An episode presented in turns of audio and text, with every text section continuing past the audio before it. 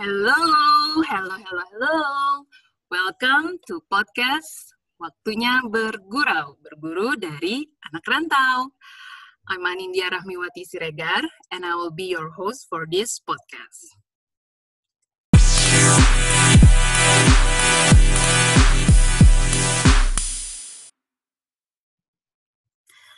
Okay, guys, welcome to the first episode of this podcast. Um, terima kasih sudah mampir ke podcast Waktunya Bergurau. Jadi sesuai dengan title dari uh, podcast ini, intinya um, podcast ini sebenarnya cuma ngobrol-ngobrol santai, tapi kita pengen sharing juga um, insight-insight dari teman-teman gue yang pernah berpengalaman menjadi anak rantau dan mereka uh, pernah tinggal di luar negeri, mereka pernah kerja, mereka pernah kuliah di luar negeri. Nah, uh, konsepnya sih kita coba biasalah ngobrol-ngobrol biasa. Nah, untuk episode pertama ini gue invite teman-teman gue. Uh, dua orang ini adalah teman gue, sebenarnya kita satu kantor. Um, tapi yang satu akhirnya harus uh, pisah, nggak satu kantor. Um, dan mereka berdua pernah kuliah di negeri seberang. Jadi kalau lagi uh, pandemi gini kita pengennya sih uh, mikirin traveling. Um, kita mulai dengan yang nggak jauh-jauh lah ya, pokoknya negeri seberang yaitu di Singapura. Jadi um, sekarang kita punya Aryoko Wibowo. Halo. Halo. Dan Wina Indiarto. Halo. Hai.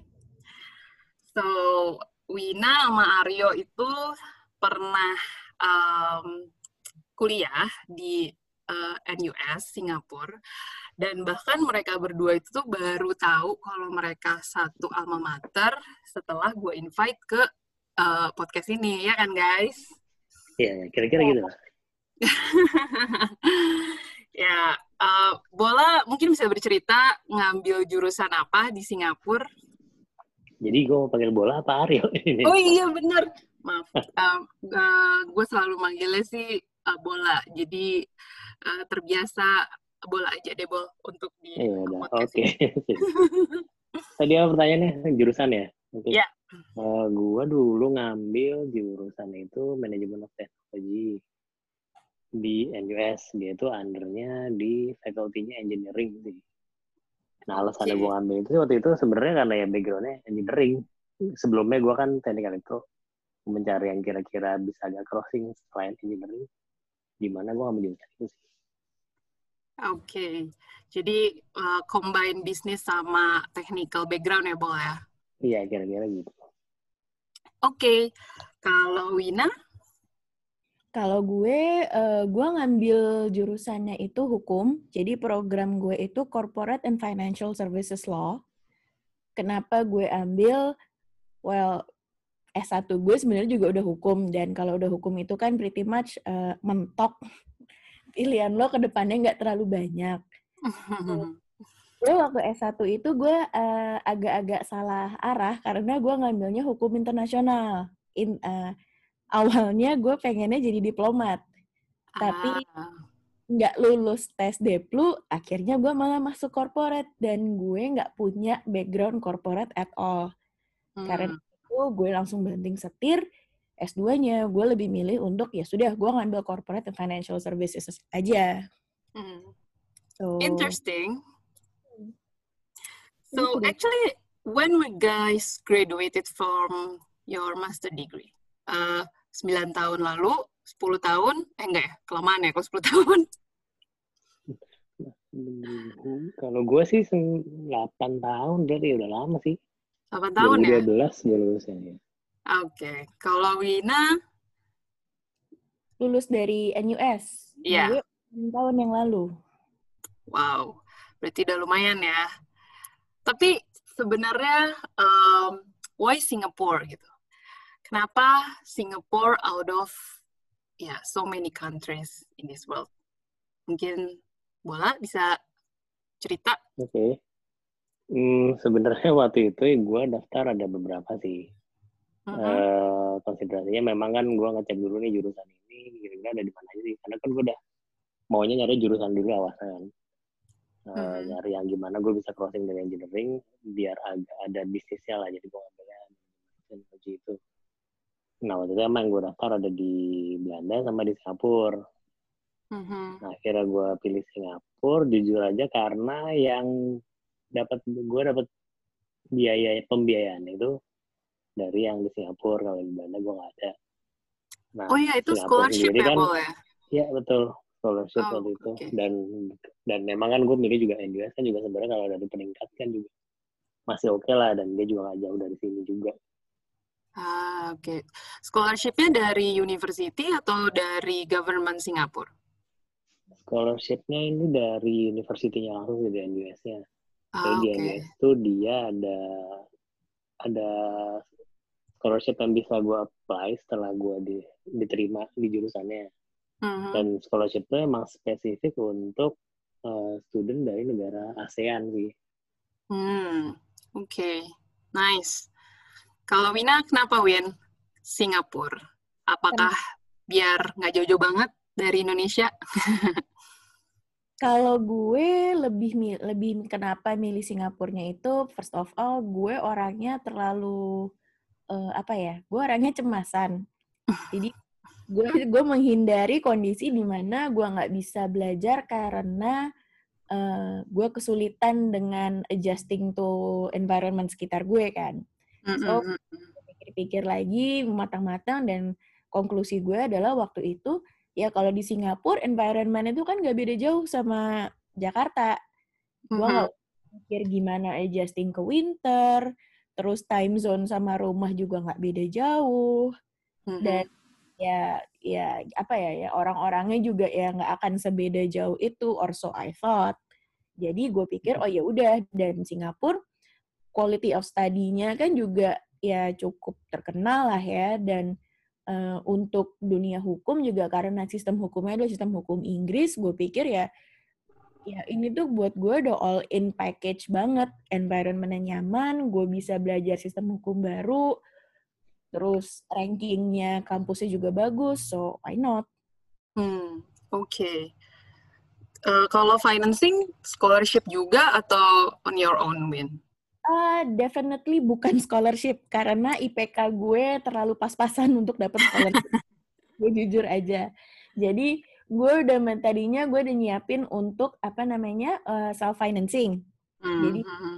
hasil nabung dan eh, tapi somehow waktu gue di waktu gue dikontak sama panitianya penerimaan dari NUS itu gue ditanyain awalnya gue ditanyain kayak lo bersedia nggak kalau data lo kita kasih ke komite eh, scholarship Hmm. Dan- situ gue tahu ternyata kampus tuh coba apply apply scholarship untuk gue walaupun gue nggak apply tapi Indian akhirnya gue dapetnya itu hanya subsidi dari pemerintah Oke, so jadi partly gitu ya? ya subsidi iya lumayan sih itu ngebantu banget Oke dong ya. Maksudnya nggak full dari self financing gitu kan? Oke, nice. Em, sekarang kalau misalnya kalian kan em, apa ya masuk ke NUS yang mana itu adalah top university in Singapore ya. Persiapannya gimana sih dulu tuh kayak em, mulai dari nyari sekolahnya kan pasti ada beberapa sekolah lah ya mungkin di Singapura juga atau ya kayak bola tadi kan di Belanda terus nyari tempat tinggalnya belum ngurus izin tinggal. Eh, dulu gue juga sempat di Singapura tapi eh, buat kerja gitu. Dan itu tuh kayak tiga bulan sebelumnya gue udah pusing sendiri gitu. Nah apalagi lo buat kuliah gitu kan. Gimana tuh? Eh, Wina mungkin bisa cerita?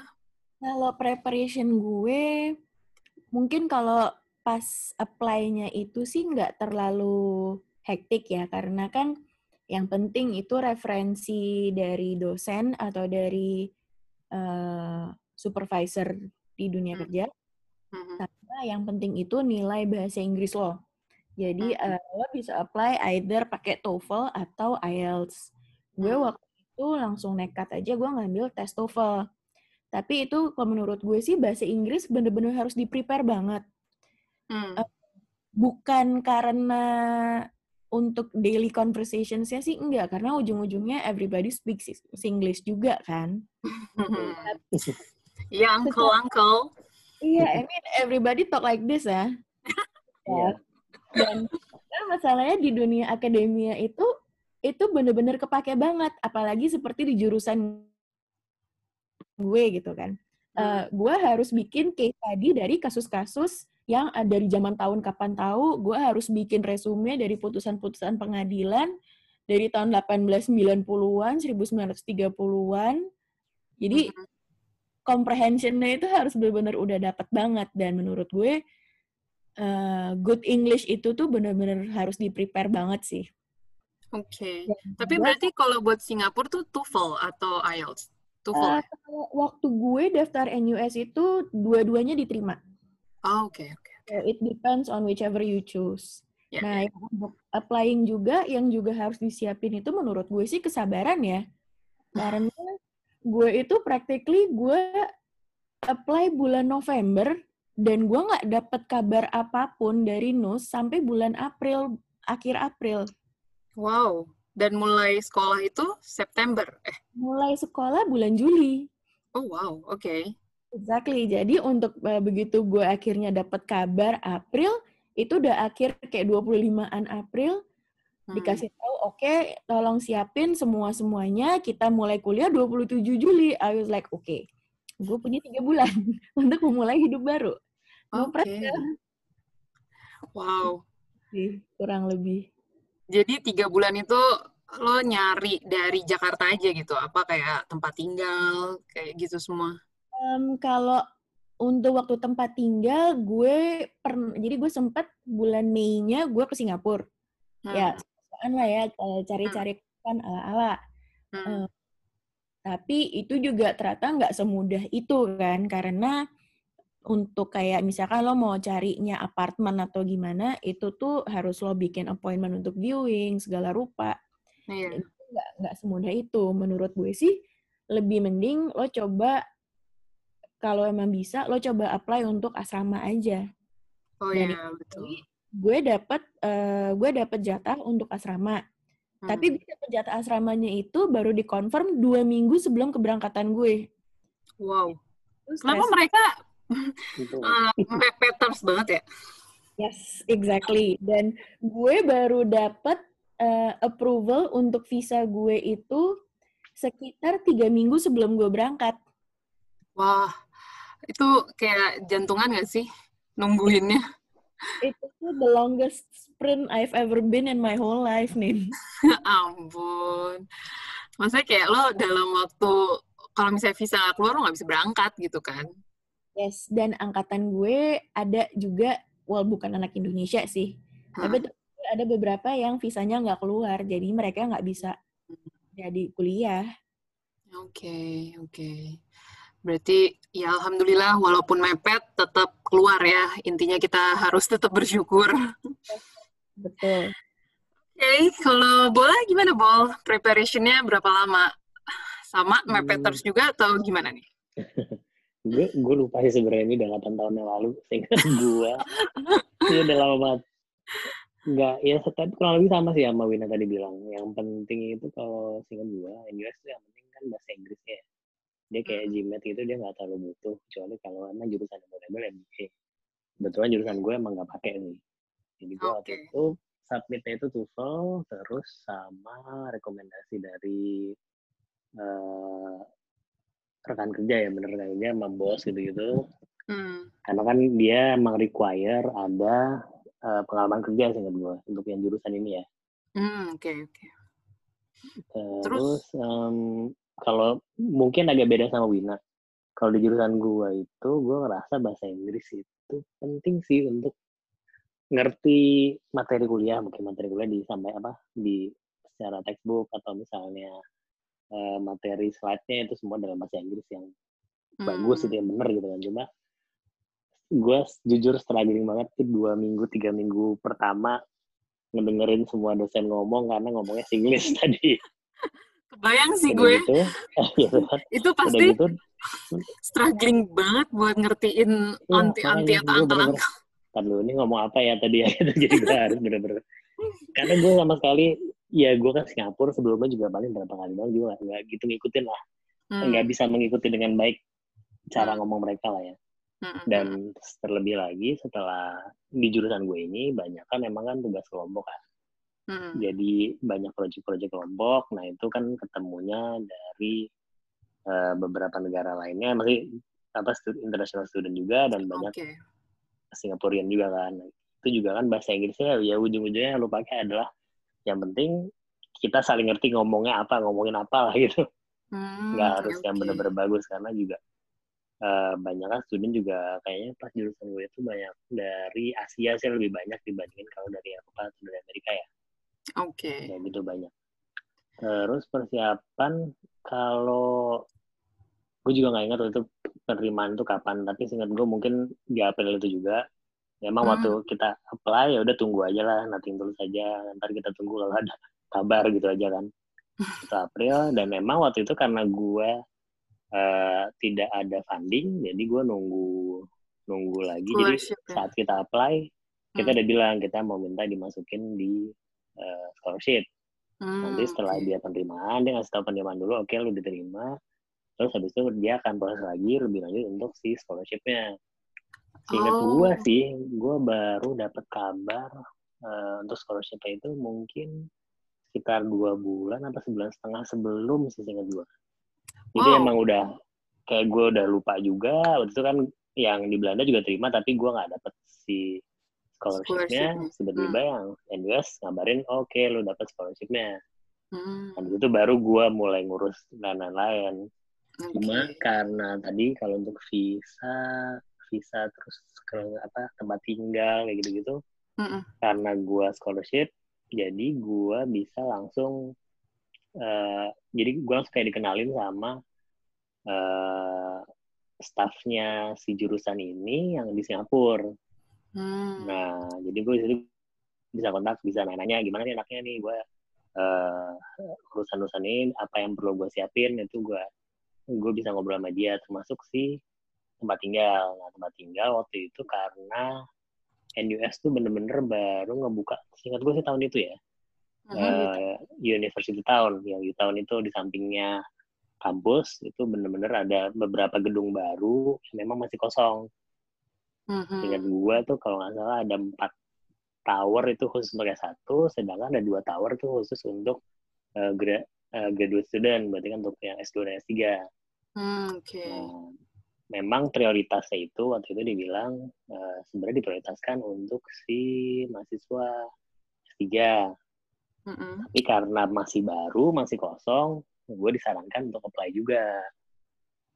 Oh, berarti kayak dorm gitu juga dong ya, Bol? Betul, kayak dorm. Nah, Hmm. kayak dorm dan itu Oke. bener-bener di samping kampus lah jadi ya bisa naik bus bus internal kampus dari si tempat tinggalnya ke tempat kuliah Oh, gitu. tinggal nyebrang nyebrang tol doang gitu kan gue sih Oh, eh, NUS tuh di mana sih? Kok gue jadi tuh lupa ya?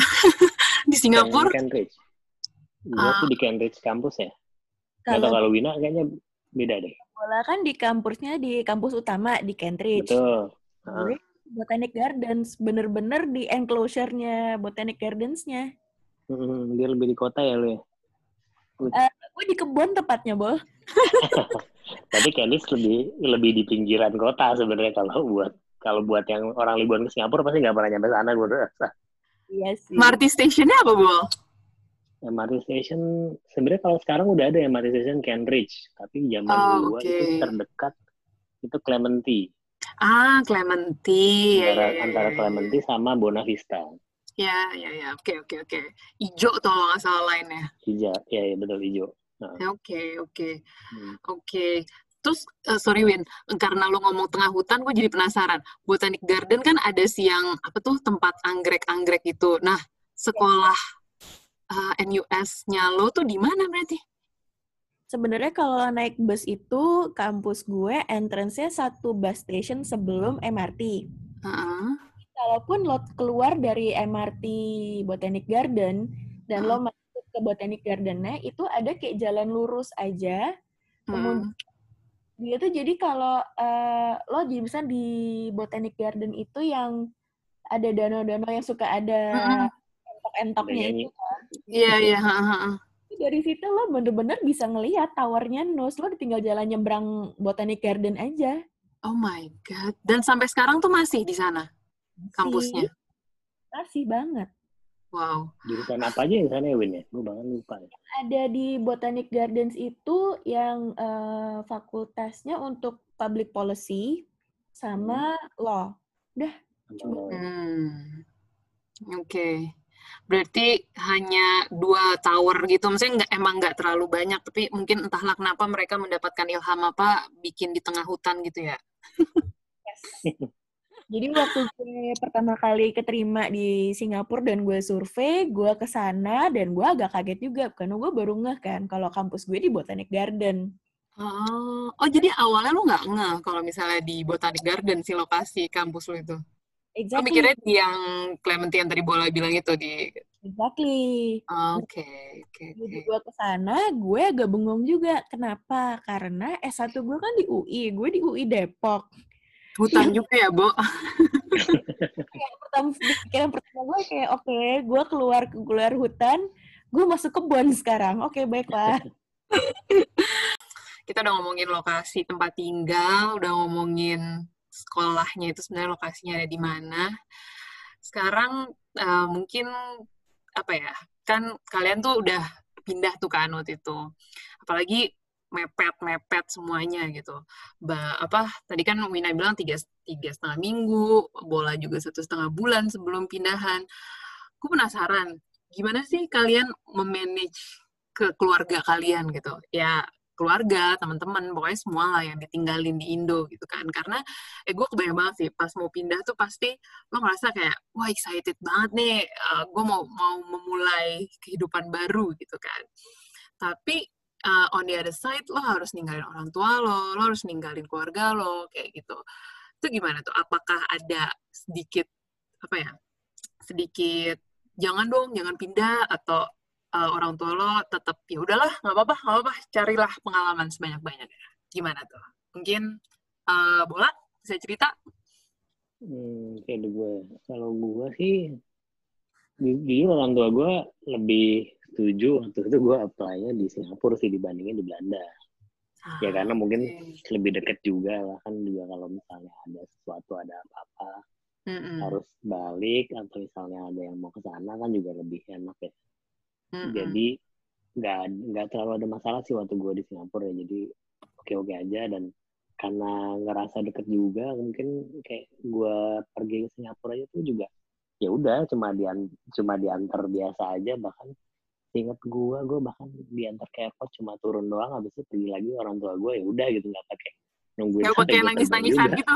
Nggak pakai juga karena juga sebenarnya ya udah lah paling juga ini juga nggak jauh. Dan dan Hmm. memang saat itu juga eh ya untuk balik ke Jakarta ya masih gampang banget lah penerbangan juga Mm-mm. cuma jam sejam lebih dikit doang tapi dan lo sering balik dulu tiket juga cukup sering sih kalau gue ya Hmm. karena kan dalam satu semester nih pasti minimal ada break di tengah-tengah Hmm. dan gue juga ambil kuliah sih gue itu jadwal gue tuh Selasa sampai Sabtu lah jadi gue ada kayak Minggu Senin tuh gue masih kosong nah kalau Minggu Senin Mm-mm. kosong itu kan juga sebenarnya kalau gue mau cari flight juga agak lumayan lah harganya nggak terlalu mahal dan waktu itu juga ada Lion Air kan iya tinggal hunting PP. tiket ya betul PP itu gue kayak cuma di bawah sejuta kok wow tapi lu itu belinya jauh-jauh hari kan iya sih benar jauh ya paling sebulan sebelumnya Oke, oke, oke, oke. Jadi apa keluarga biasa aja gitu, maksudnya nggak nggak ya udah oke berangkat. ya Em, biasa aja sih kalau teman-teman, kita kayak nggak nggak sempet nggak. farewell juga ya? Iya kayaknya kayaknya gue juga lupa soal itu. Udah berangkat duluan apa gue berangkat duluan ya gue lupa. Kalau nggak salah sih, eh lo duluan sih, Bol. Karena gue itu berangkat duluan 2011 September baru ya. berangkat ke Oh iya, Belanda. iya, iya. Kalau lo kan berarti kayak Juli gitu ya? Iya Juli itu udah mulai kalau nggak salah dia tuh mulainya emang pas mau mau kemerdekaannya dia deh. Lupa. Ah, oke, oke, Gue. oke. Oke, kalau Wina gimana, Win? Apalagi lo anak cewek gitu kan.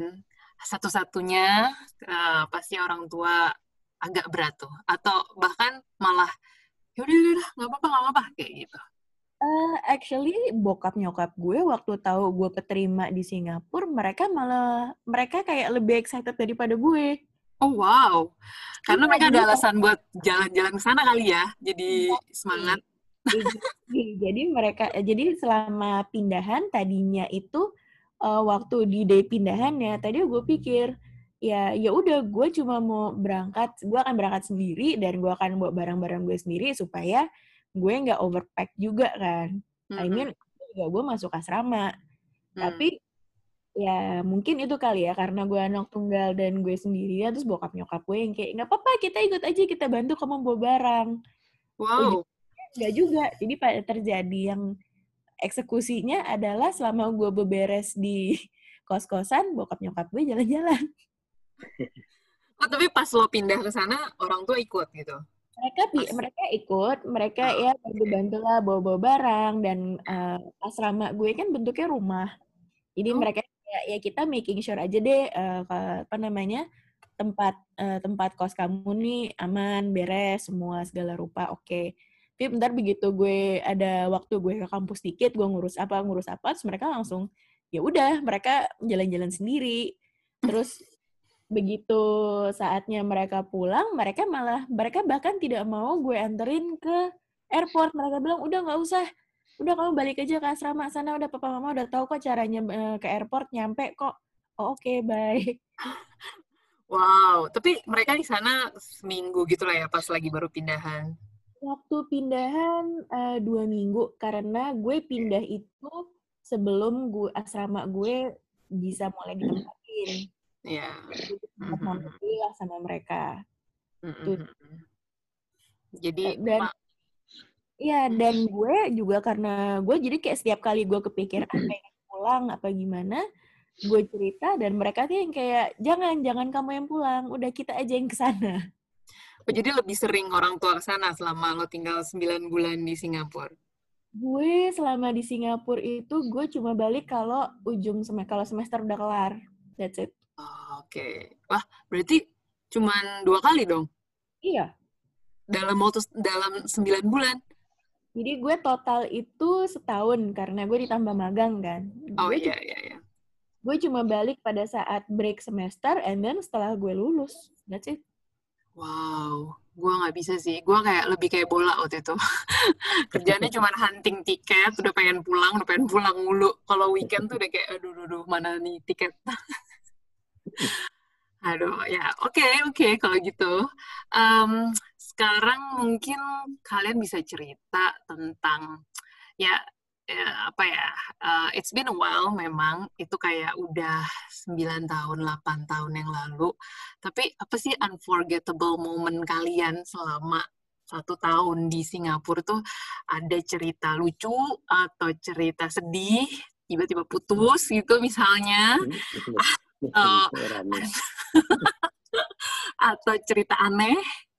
Gimana tuh? Mungkin bola bisa cerita juga. Apa ya cerita apa ya? Atau Wina mungkin? Duluan? Wina duluan juga kalau gue memories gue gimana ya?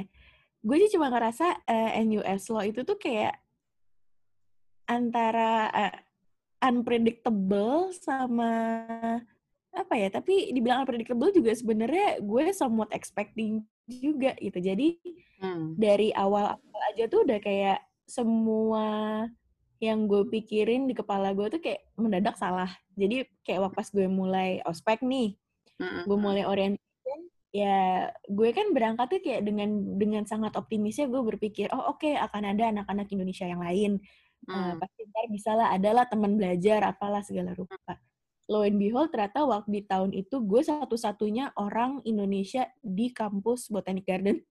Wow, astaga. gue doang satu-satunya dan bahkan dekan gue sampai nanya kenapa cuma kamu doang anak Indonesianya. Hmm. Gue juga kayak nggak tahu kenapa kamu ngambil cuma saya. itu agak aneh. Tapi bener juga sih. Itu kan aneh. Jadi kayak sama-sama bingung semua. Untungnya anak-anak public policy waktu di tahun gue masuk itu lumayan banyak yang dari Indonesia. Hmm. Jadi gue Oke. kayak em, kayak apa ya? Kayak diadopsi lah ya sama mereka di asrama. Jadi Mm-mm. walaupun gue di kampus gue nggak nggak bisa ngomong bahasa Indonesia, at least gue di asrama bisa. Dan kalau memoriesnya sebenarnya gue agak-agak jadi love hate relationship itu sama Botanic Gardens saya sendiri sih, Nin.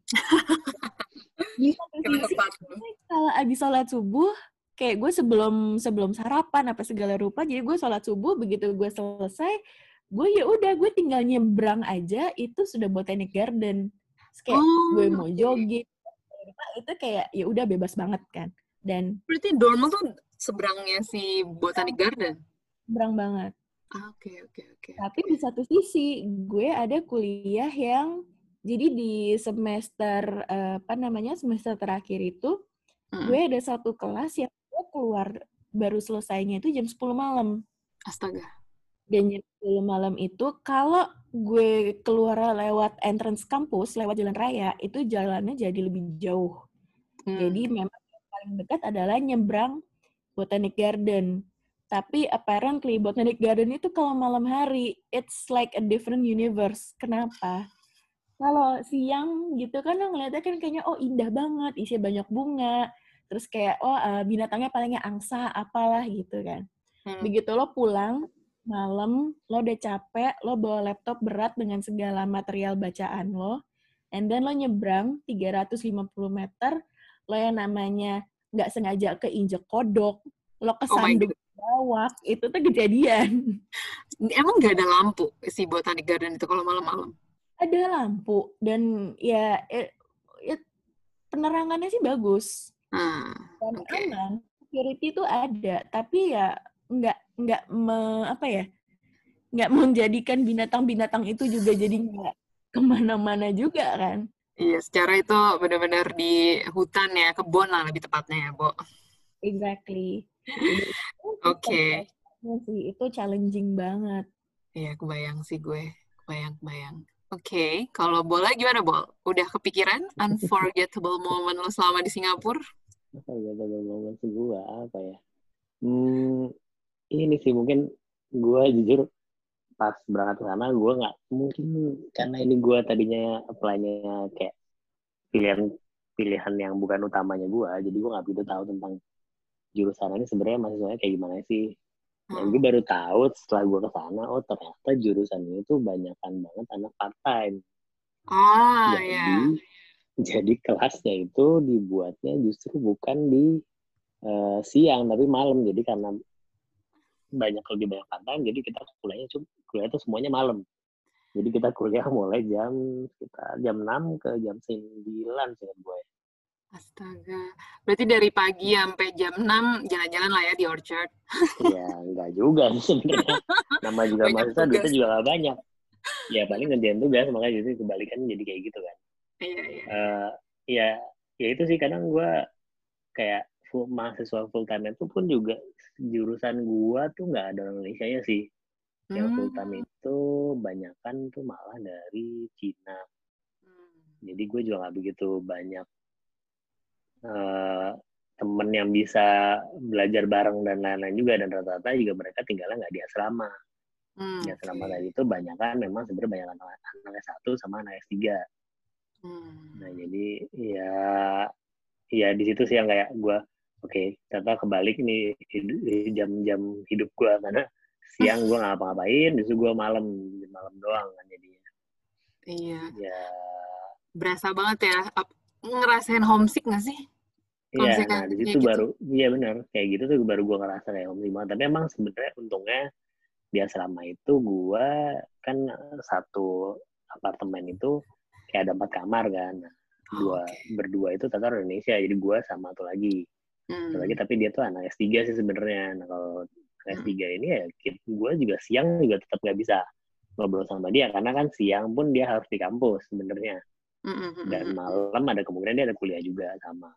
Hmm. Jadi gue waktu itu ya bisa dibilang kayak oke gue sendirian banget nih kayak beneran exploring ya Singapura sendirian, bela kuliah juga kayaknya belajar juga kalau udah mau ujian juga pasti sendirian kecuali kalau misalnya kelompok ya paling mbak baru akhir-akhir lah kalau udah banyak temen lu udah Mm. kenal lah mungkin lo akhirnya belajar bareng nah, bisa Iya. bisa belajar bareng sama temen-temen lo tapi tapi banyak kan juga akhirnya gue making friends juga sama anak part time jadi Hmm. hari Senin sampai Jumat juga gue nggak belajar sama mereka kemudian gue Iya. akan belajar sama mereka tuh di Sabtu atau Minggu Iya, Kayak iya, gitu iya. sih yang ya itu benar tapi tapi terus sama satu hal yang gue inget ternyata ya gue di Singapura tuh gue eh ya kayak be maksudnya gue ngerasain beda banget sama di Indonesia lah maksudnya di Mm. sana tuh kayak rapi teratur Rapi. gitu secara secara secara kotanya secara kampusnya gitu rapi. Terus gue juga kebetulan dia asrama yang benar-benar masih baru.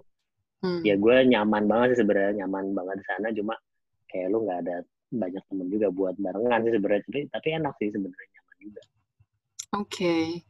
Tapi lo waktu kayak lagi sendirian gitu dan ngerasa homesick, apa yang lo lakuin waktu itu? Apa lo langsung uh, video call sama orang tua atau langsung nelponin uh, geng Enggak biasa juga. atau gimana? Enggak juga sih Enggak juga sih paling ya ya mah kalau ngobrol waktu zaman itu ya paling ngobrol-ngobrol sama teman-teman ya teman-teman dulu kuliah satu kan paling kan Iya, iya. terus sama nunggu menunggu nunggu saat kayak ada yang oh gue kapan nih mau ke Singapura mampir nah saat kayak gitu yang Ah, paling iya. gue baru excited tuh jadi oke gue atur gue atur jadwal gue supaya gue bisa ketemuan kalian gitu atau gimana. Jadi akhirnya gue itulah saat gue datang ke kota. Kota kota itu yang maksud gue adalah orang Indonesia kalau ke Singapura tuh cuma di situ doang. Sebenarnya nggak pernah keluar dari situ. Justru kalau Dan tinggal tuh malah nggak jauh. jarang ya ke Orchard jarang ya. banget menurut gue jarang banget gue ke sana Hmm. jarang banget ke kota. Kalau nggak emang gue menemuin siapa yang lagi main ke si ke Singapura ya pasti gue baru ke sana tuh kalau nungguin orang-orang itulah Iya, iya. kalau iya. buat gue ya ya itu mah ya kalau kita mah kejauhan sih kalau menurut, menurut gue ya Mhm, mhm, mhm. Oke. Kalau Winda gimana Win? Dulu lu sempat homesick nggak sih di sana? Pasti gue sih. Atau enggak? kenapa eh gue ngerasa itu gue jadwal belajar gue terlalu hektik untuk gue bisa homesick Wah, karena ada ini ya, karena murid teladan ya. bukan Iya, bukan bener, murid bener. teladan tapi load belajarnya itu emang agak-agak gila jadi waktu itu di fakultas gue itu sampai dibilangnya NUS itu tuh kepanjangannya no use studying karena nggak guna juga lo nggak akan apa-apa juga Nah, gue sih nggak terlalu homesick. Kenapa? Eh, ya gue cukup sering kontak lah ya sama bokap nyokap, sama teman-teman gue dan sama kayak bola. Begitu ada yang datang ke Singapura, gue sebisa mungkin ya ketemu lah untuk refreshing juga. Nah di situ kesempatan gue Mm-mm. dan thankfully kan Botanic Garden itu lumayan deket dari Orchard sekali naik bus aja. Jadi cukup aksesibel lah. Cuma ya ujung-ujungnya eh, begitu setelah lewat kayak tiga bulan, empat bulan, gue malah sebisa mungkin kalau nggak perlu ke Orchard tuh gue nggak mau banget ke Orchard. Kenapa Win? Entah kenapa gue ngerasa itu malah kayak nggak nyaman banget. Jadi kalau misalkan ada teman-teman gue yang datang, Nah, Eh, gue lagi ke Singapura nih. Oh oke, lo mau ketemu di mana? Hmm, kalau bisa jangan di Orchard ya. Gue malah lebih prefernya lebih ke tengah lagi atau sekalian gue bawa ke sekitaran Bukit Timah. wow, jauh banget sampai ke Bu- Bukit Timah. Tapi kan kalau dari ngajakin orang ngajakin orang ke Bukit Timah masih mending daripada ngajakin orang ke arah Clementi rumah sih. Aduh, ya ampun. Oke, oke guys. Gue kebayang sih, gue juga dulu kalau misalnya homesick tuh kayak pengen aja ke Orchard karena beda sih antara lo liburan ke Singapura sama lo tinggal di Singapura tuh rasanya beda banget. Nggak tahu sih, gue ngerasa Hmm. kayak gitu. Jadi kayak eh, kalau misalnya gue homesick, gue datang ke Orchard karena gue ngerasa kayak, oh gue lagi liburan, tapi sebenarnya gue gak liburan, gue lagi tinggal di sana. Musik yang gue rasain itu adalah hanya in terms of makanan. Sorry to say, Ah, makanan iya. Indonesia tuh nggak ada yang ngebedain sama sekali. Ya, ya, ya, benar, benar, Iya. benar, benar. itu bener-bener gak ada duanya dan gue pernah sampai kejadiannya itu separah-parahnya gue homesick adalah gue lagi ujian 24 jam di hari Minggu. Hah? Di tengah-tengah exam itu ya Hah? mungkin karena gue juga udah kurang istirahat, gue kurang minum, gue udah kurang waras juga. gue jam 2 pagi itu gue sampai nangis hanya Ya. karena tiba-tiba gue ngipon telepon bisa gak sih This is it sih, Win. Sempat nyari di Hajar Maimunah nggak aja ada telepon. Oh iya bener. Di Maimunah ada tuh biasanya kue-kue, kue-kue Melayu.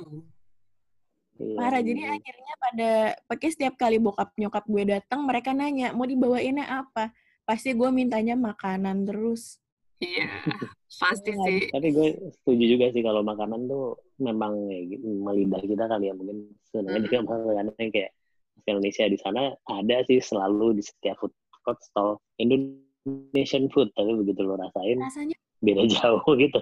Hambar ya, rasanya hambar ya. yang gede-gede gede-gede banget kayak gitu. Iya bener bener. Tapi- Padahal restoran Padang tapi- juga banyak kan?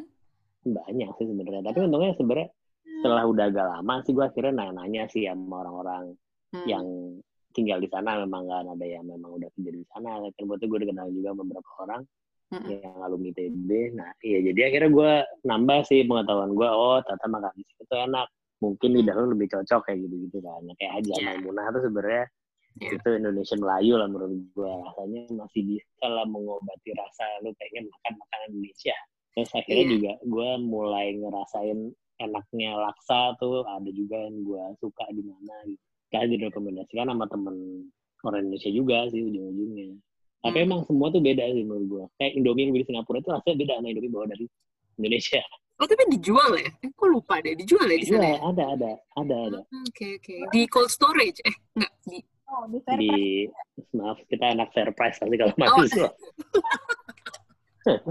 iya kan ya? cost storage tuh terlalu mewah nih Oke oke oke. Min. Oke guys, oke oke fine, fair price fair price. Yang 24 jam gue juga sering kok ke fair price 24 iya jam. NTUC fair price Iya benar benar benar benar. Baiklah kalau begitu sekarang em, ah, sedikit aja sih kayak kan lagi pandemi nih kayak gini kita udah nggak bisa ke mana-mana, udah work from home beberapa bulan pasti kayak pengen banget kan naik pesawat even kayak ke Singapura yang cuma satu jam satu setengah jam aja tuh pengen banget gitu apa sih yang kalian kangenin banget dari Singapura Win mungkin Kalau gue mungkin yang gue kangen dari Singapura itu apa ya? Freedom to move around sih. ah, kayak- ya. Mm. Kayak lo ke mana pun juga lo bebas kayak ya udah gitu ke mana pun juga tuh bisa banget pakai public transport aman dan kalau ada orang yang bilang katanya lo nggak mungkin nyasar di Singapura itu bener banget. Jadi pasti lu tinggal dari bus nyampe di Indonesia Dan sementok-mentoknya lo cari aja MRT station terdekat. Lo nggak Iya. mungkin nyasar. Jadi Iya. kalau lo nyari, misalnya lo pergi ke mana pun juga, itu bener-bener possible banget. Even jalan kaki pun possible. Iya. Itu sih yang gue kangen, itu definitely nggak bisa dapat di Jakarta. Dan yang pasti semua loop smartwatch lo itu langsung ini ya, nutup ya kalau di Singapura kita jalan mulu kan yang ada. Udah udah muter-muter. Udah ngelup ya kalau misalnya di Singapura tuh kayak dan ka- karena nggak polusi juga kali ya, jadinya pengennya jalan gitu kan di mana-mana. Yes, itu bener banget sih. Oke, kalau lo bol apa yang lo kangenin? Apakah es krim uncle? apa ya ya itu sih saat menurut gue kalau kalau saat kita jadi turis ke sana gitu kan Hmm. eh, yang lu lihat tuh sebenarnya cuma sebagian kecil dari Singapura Hmm. sedangkan saat lo tinggal agak jauh gue kan kampusnya agak di agak di tuh ya sebelah barat berarti ya Mm-mm. itu kayak ternyata Singapura nggak sekecil itu juga sebenarnya ada banyak hal selain eh, tempat-tempat tadi yang biasa lu kunjungin kalau lu jadi turis dan menurut gua malah tempat yang dikunjungin pas jadi turis itu sebenarnya tempat yang dibuat jadi kayak nggak nggak autentik Singapura lah menurut gua kayak emang Mm-mm.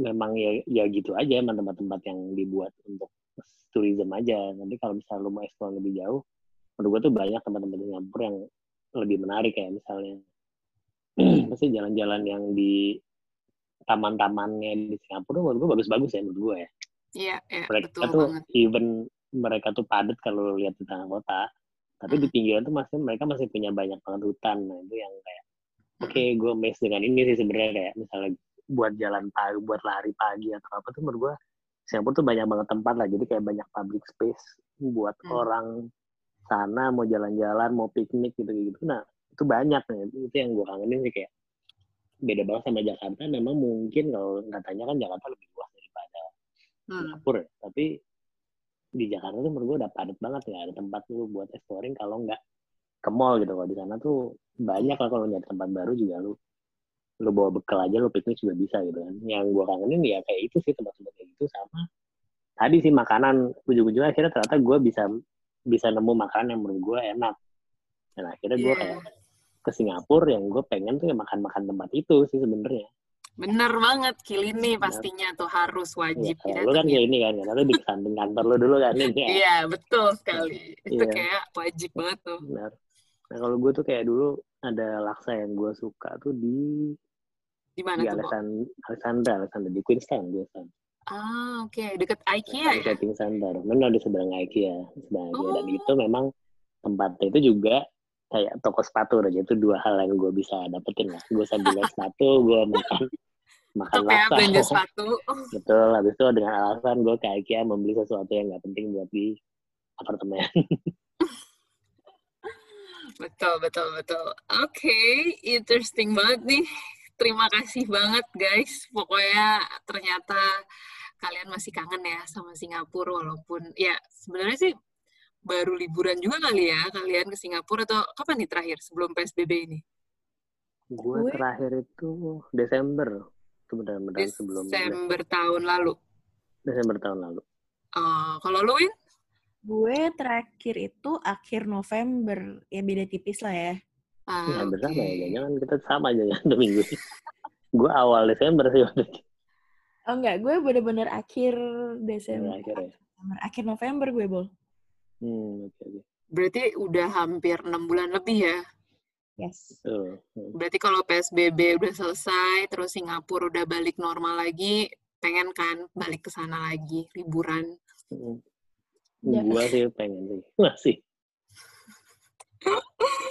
Lo juga Win, pengen balik ke sana untuk liburan? Uh, actually tadinya gue itu udah plan bulan Juni kemarin itu harusnya gue kayak break dua minggu di sana. Oh Tapi wow. Ya namanya PSBB, pandemi semua ini kan ya, jadi ya sudahlah. Next time possible aja begitu bisa berangkat ya gue akan berangkat. Iya, Bener. kita bertahan saja dulu ya demi Iya. kesehatan pastinya.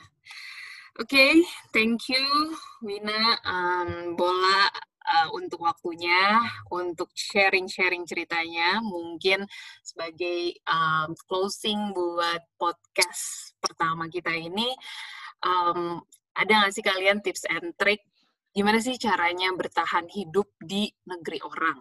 Apalagi ya kalau to be spesifik, bertahan hidup di Singapura sih. Mungkin dari Bola, Ya gue ya. Hmm. Eh, ya kalau gua sih tipsnya mungkin ya tadi kalau misalnya lu ngerasa homesick atau apa mungkin lu perlu cari kegiatan apa yang memang lu seneng terus Hmm. ya mencoba exploring aja, exploring tempatnya aja sih atau Mm-mm. karena ya kalau gue sih dalam hal gue gue seneng waktu itu waktu gue lagi hobi foto-foto sih kayaknya waktu itu oh iya, ya gue juga seneng makan jadi gue sambil jalan-jalan ambil foto nyari tempat makan. Iya, kalau iya. lu ngerasa kayak bosen banget ya paling gitu sih kalau gue ya. Kalau iya. terkait dengan kuliahnya sendiri sih menurut gue kuliah di NUS tuh ya eh, dibilang susah banget juga mungkin enggak sih. Cuma yang penting lu punya ya lu komitmen aja sih sebenarnya menurut gue karena karena ya kalau di di jurusan gue sih banyak kan memang kan eh, kuliahnya tuh banyak kan ngerjain project-project Hmm. bareng tim kan nah, jadi ya lebih banyak diskusi dan kayak gitu-gitu aja sih yang nggak yang beneran lu harus ngebaca textbook terus harus persis kayak kuliah S1 lah nggak kayak gitu lah nggak kayak lu ngejawab soal gimana jadi kayak jawaban ujian pun juga kayaknya lebih ke pemikiran lu juga jadi ya gua Hmm. yang penting banyak ini aja sih banyak banyak baca-baca juga banyak ngobrol juga banyak diskusi juga di pas kuliah Oke, okay, well noted. Thank you. Kalau Wina, bagaimana tips and trick buat para pendengar kita nih yang kepikiran mau tinggal di Singapura? Kalau menurut gue, uh, first things first, kalau lo mikir mau sekolah di Singapura, especially NUS, make sure lo memang kepengen belajar, bukan cuma cari pengalaman doang. Hmm. Dan uh, bukan masalah susahnya apa gimana, tapi seperti kata Bola tadi, memang hmm. yang namanya komitmen lo untuk belajar itu akan essential banget. Hmm. Dan itu harus datang dari diri lo sendiri. Kalau lo ke sana karena disuruh sama keluarga atau karena peer pressure, sorry to say, itu pasti akan jadi beban banget. Hmm. Nah, tapi kalau lo udah keterima di NUS, hmm. yang pertama kali harus lo siapkan itu adalah alas kaki yang nyaman sih menurut gue. Karena akan jalan itu ke mana-mana banget, men. Tepat sekali, oke okay, oke. Okay. Dan yang ketiga, ini menurut gue cukup fatal sih uh, untuk anak-anak yang baru pindah. Jangan pernah mengkonvert apa pun ke rupiah kalau lo masih mau makan. Karena ada pusing sendiri ya. Exactly. Begitu lo ngeliat uh, Indomie satu pak itu 10 biji harganya 5 dolar, lo mendingan milih nggak makan. sendiri. benar benar benar. Jangan di convert yang ada pusing dan akhirnya lu malah jadi kurus. Ya. Dan kurusnya in not in a nice way ya. Iya, betul sekali. Oke, okay, kalau gitu, um, thank you banget um, Wina sama Bola. Uh, pokoknya buat teman-teman semua um, yang ngedengerin, terima kasih juga. Uh, kita coba pindah ke negara lain untuk episode berikutnya um, tapi itu masih surprise jadi uh, tunggu aja episode kita berikutnya. Oke okay? thank you for all. Bye bye. Bye bye